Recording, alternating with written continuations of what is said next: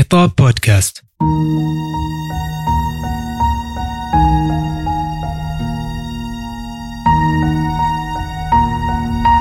تنسج شهرزاد من وحي خيالها باقة من أروع القصص والحكايات وهي بدورها ستجعل الملك يترقب نهايتها في كل ليلة قصة بعد قصة وحكاية تعقبها حكاية وبتنوع الشخصيات وتعددها.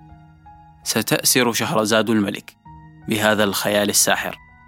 هنا سنغوص في أعماق هذا الخيال لنكتشف تلك الأحداث بكل تفاصيلها.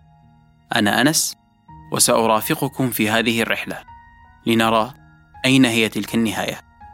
هنا منصة خطاب حيث للأدب حكاية.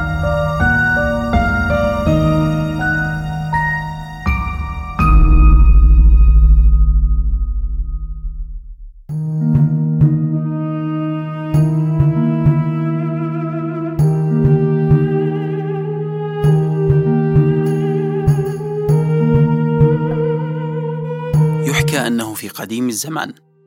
عاش ملكان عظيمان شقيقان يدعيان شهريار وشاه زمان. كان شهريار هو الأكبر سنا وامتد سلطانه إلى أقاصي الأرض. شعر شهريار برغبة في رؤية أخيه فطلب من كبير وزرائه الذهاب لإحضاره إليه. وعندما حضر شاه زمان عانقه أخوه وقضى الأخوان اليوم بأكمله معا. ولاحظ شهريار الشحوب والمرض على أخيه. مرت الأيام وشاه زمان يزداد نحولا واعتقد شهريار أن أخاه مشتاق لوطنه. لكن تبين أن الأمر أسوأ من ذلك بكثير. فبعد عشرة أيام انهار شاه زمان وأخبر أخاه بالسبب الرئيسي وراء أحزانه. لقد هجرته زوجته الملكة وهو الآن كسير الفؤاد. وقص على شهريار كيف تعرض للخيانة؟ ولم يستطع الملك العظيم تصديق ما تسمعه أذنه. وبعد سماع ما رواه أخوه غضب شهريار غضبا شديدا حتى أنه فقد صوابه. وقرر أنه لا يمكن الثقة في أي امرأة قط وخطط لأمر مريع.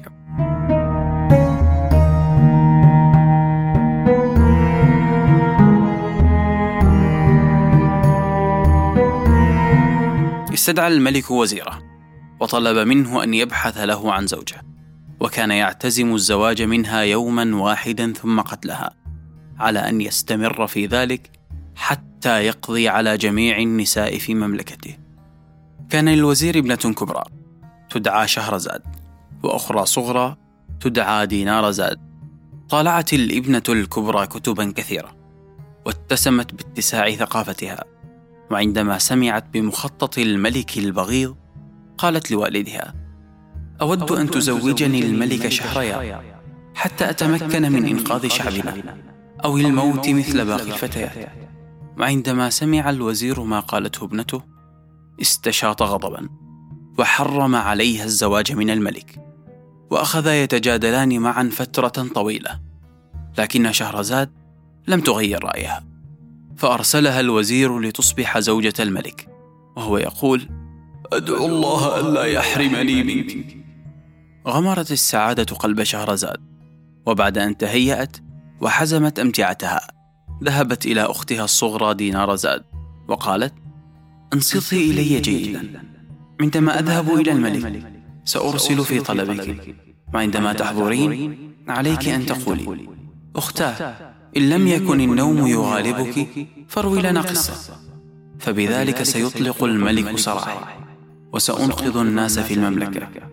وعليك أن تثقي في هذه الخطة. فاجابت دينار زاد عظيم.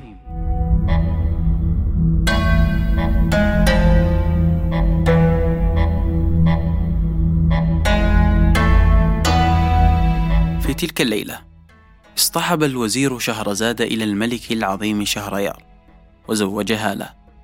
لكن عندما ذهب الملك شهريار للنوم في تلك الليلة بكت شهرزاد. وعندما سألها الملك عن سبب بكائها أجابت لدي أخت وأود أن أودعها. فأرسل الملك في طلب الأخت التي حضرت وجلست على جانب السرير. قالت دينار زاد أختاه. إن لم يكن النوم يغالبك فاروي لنا إحدى رواياتك الممتعة. لنمضي الليلة.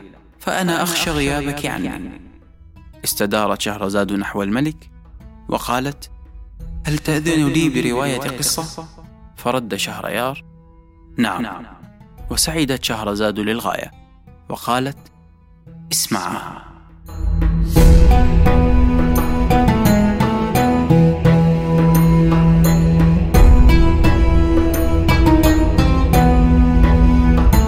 خطابات أدبية. في هذا البودكاست ننتقل بين خطابات خلدت بأقلام التاريخ على صفحات تنتظر من يتأملها بعناية. لا تنسوا زيارة منصتنا على تويتر وإنستغرام at underscore khetab underscore. ومشاركة هذه الحلقة مع أصدقائكم. كان معكم أنس. إلى اللقاء.